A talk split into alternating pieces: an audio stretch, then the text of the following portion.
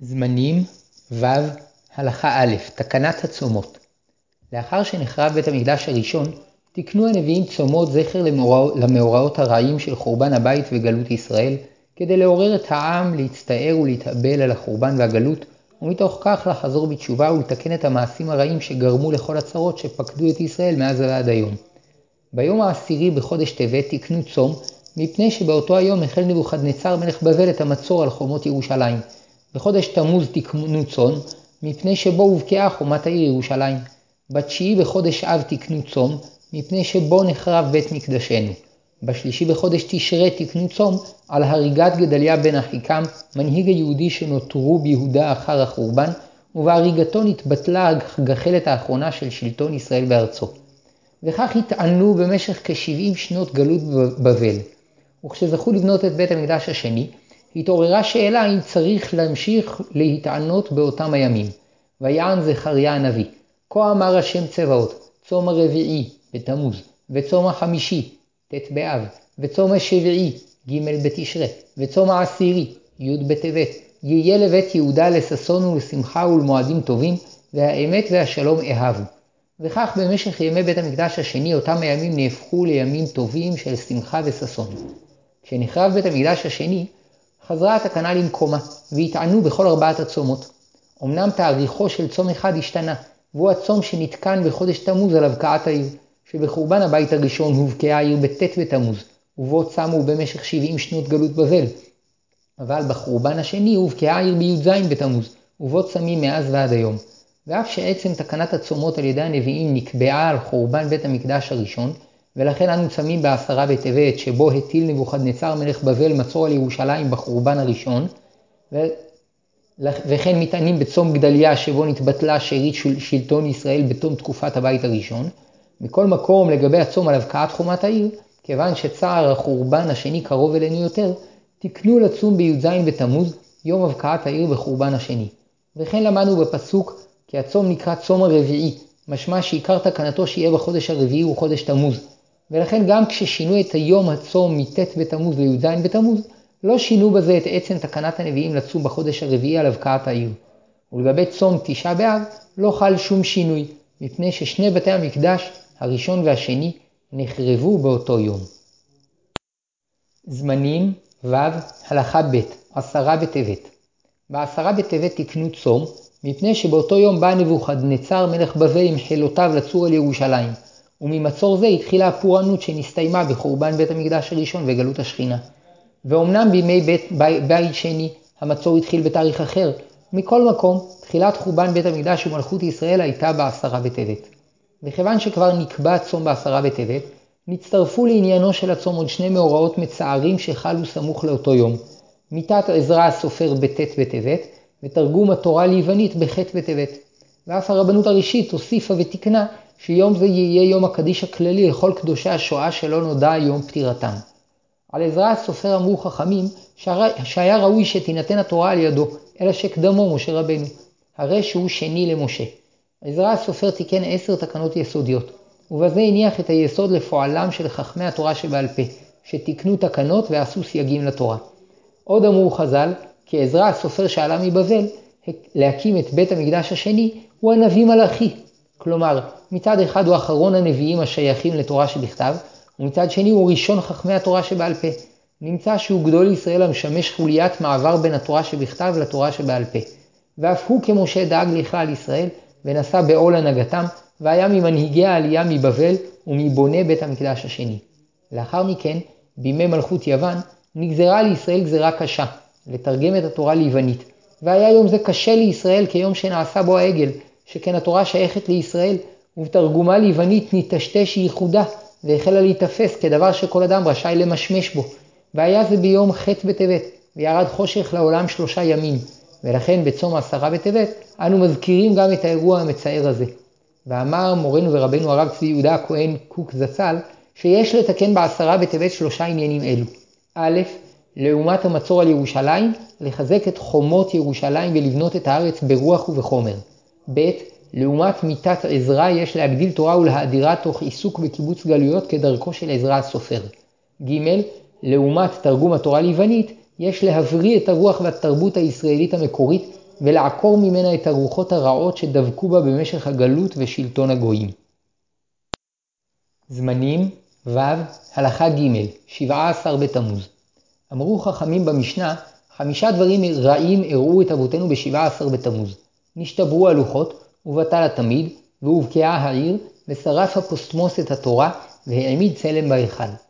לאחר מעמד הר סיני וקבלת התורה, שהה משה רבנו על הר סיני 40 יום ו-40 לילה, ולמד תורה מפי הגבורה.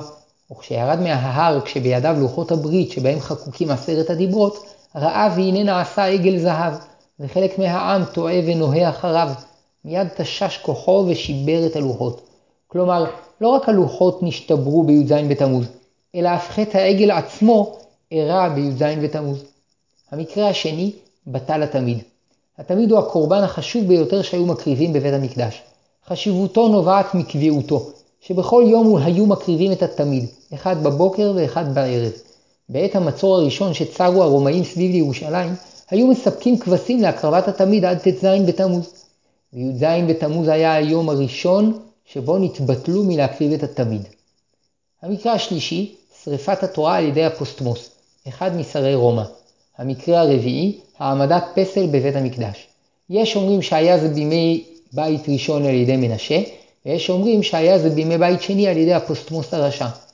אולם הדבר שעליו בסופו של דבר נקבע הצום, הוא האירוע החמישי, הבקעת חומת העיר ירושלים.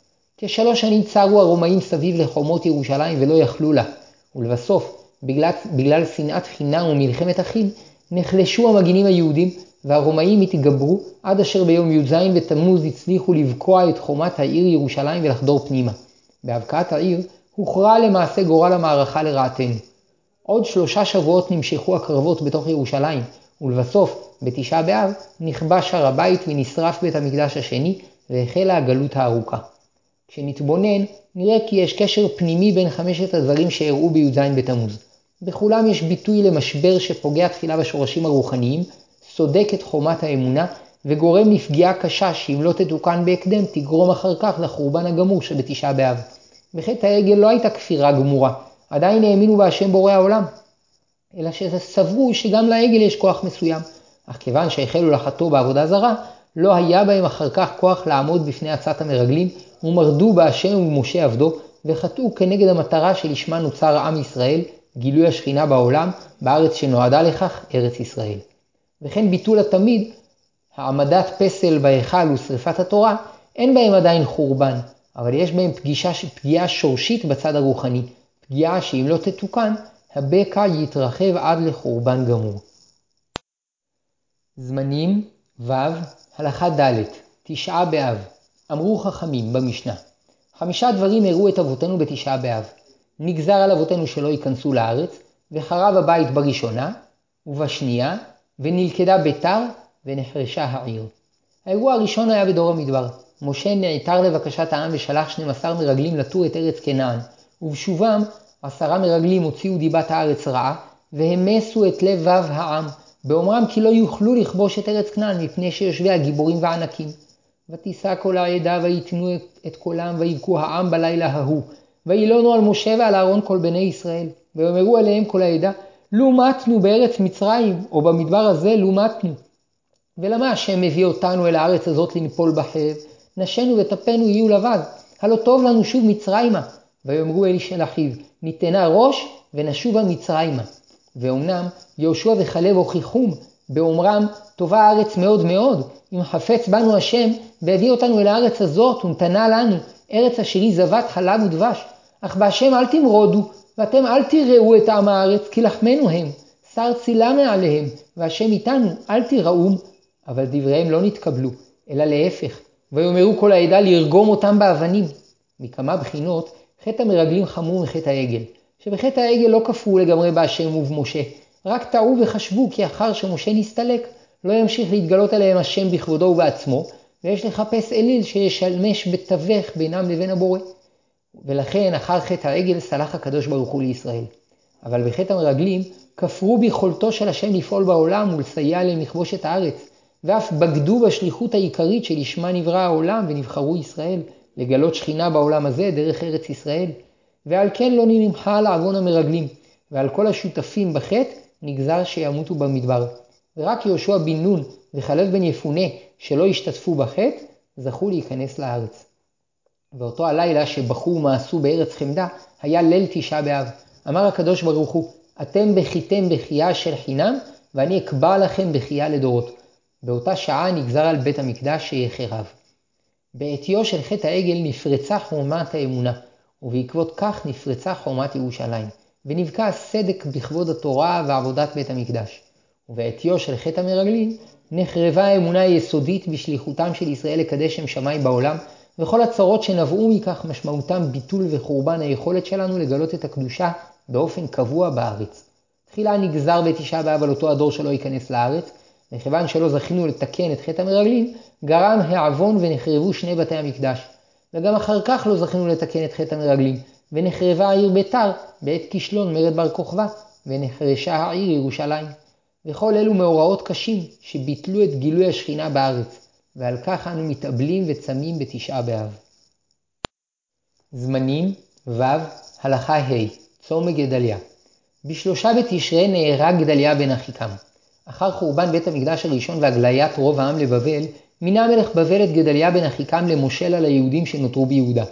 בשארית הפלטה שביהודה ניטלו תקוות גדולות, שעל ידי התבססותם בארץ, יוכלו יחד עם השבים מבבל אחר 70 שנה להקים מחדש את בית המקדש ולקומם את מלכות ישראל. ואכן לזמן מה היה נראה כי דלת העם שנשארו בארץ מתאוששים מהחורבן ומעבדים את שדותיהם, את שדותיהם וכרמיהם. אולם מלך בני עמון, שרצה להשבית את שארית ישראל, שלח את ישמעאל בן נתניה לרצוח את גדליה בן אחיקם. לישמעאל בן נתניה הייתה גם סיבה אישית לבצע את זממו. הוא היה ממשפחת מלכי יהודה, וחשב בליבו כי לא עצמו מגיעה הזכות לשלוט ביהודה במקום גדליה בן אחיקם. כמה משרי החיילים שהיו עם גדליה בן אחיקם הזהירו מפני ישמעאל, ואף הציעו להרוג אותו בטרם יבצע את זממו. אולם גדליה בן אחיקם לא האמין להם, והאשימם כמי שטופלים שקר על ישמעאל. ויהי בחודש השביעי בא ישמעאל בן נתניה בן אלישמע מזרע המלוכה, ורבי המלך ועשרה אנשים איתו, אל גדליהו בן אחיקם המצפתה, ויאכלו שם לחם יחדיו במצפה. ויקום ישמעאל בן נתניה ועשרת האנשים אשר, אשר היו איתו, ויכו את גדליהו בן אחיקם בן שפן בחרב, וימת אותו, ואת כל היהודים אשר היו איתו, ואת הכסדים אשר נמצאו שם. ובזה נתבטלה הגחלת האחרונה של שלטון ישראל בארץ, ונתמלאה שאת הגלות, ועל כך תקנו הנביאים צום. אמנם ישנו ספק מסוים מתי בדיוק הראה רציחתו של גדליה. בתלמוד אמרו שביום ג' בתשרי נהרג גדליה בן אחיקם, אולם יש מן הראשונים שפרשו כי נהרג באלף בתשרי, ומכיוון שהוא יום טוב של ראש השנה, דחו את התענית לג' בתשרי. עוד אמרו חכמים שניתן ללמוד מתקנת צום גדליה ששקולה מיתתן של צדיקים כשריפת בית אלוהינו.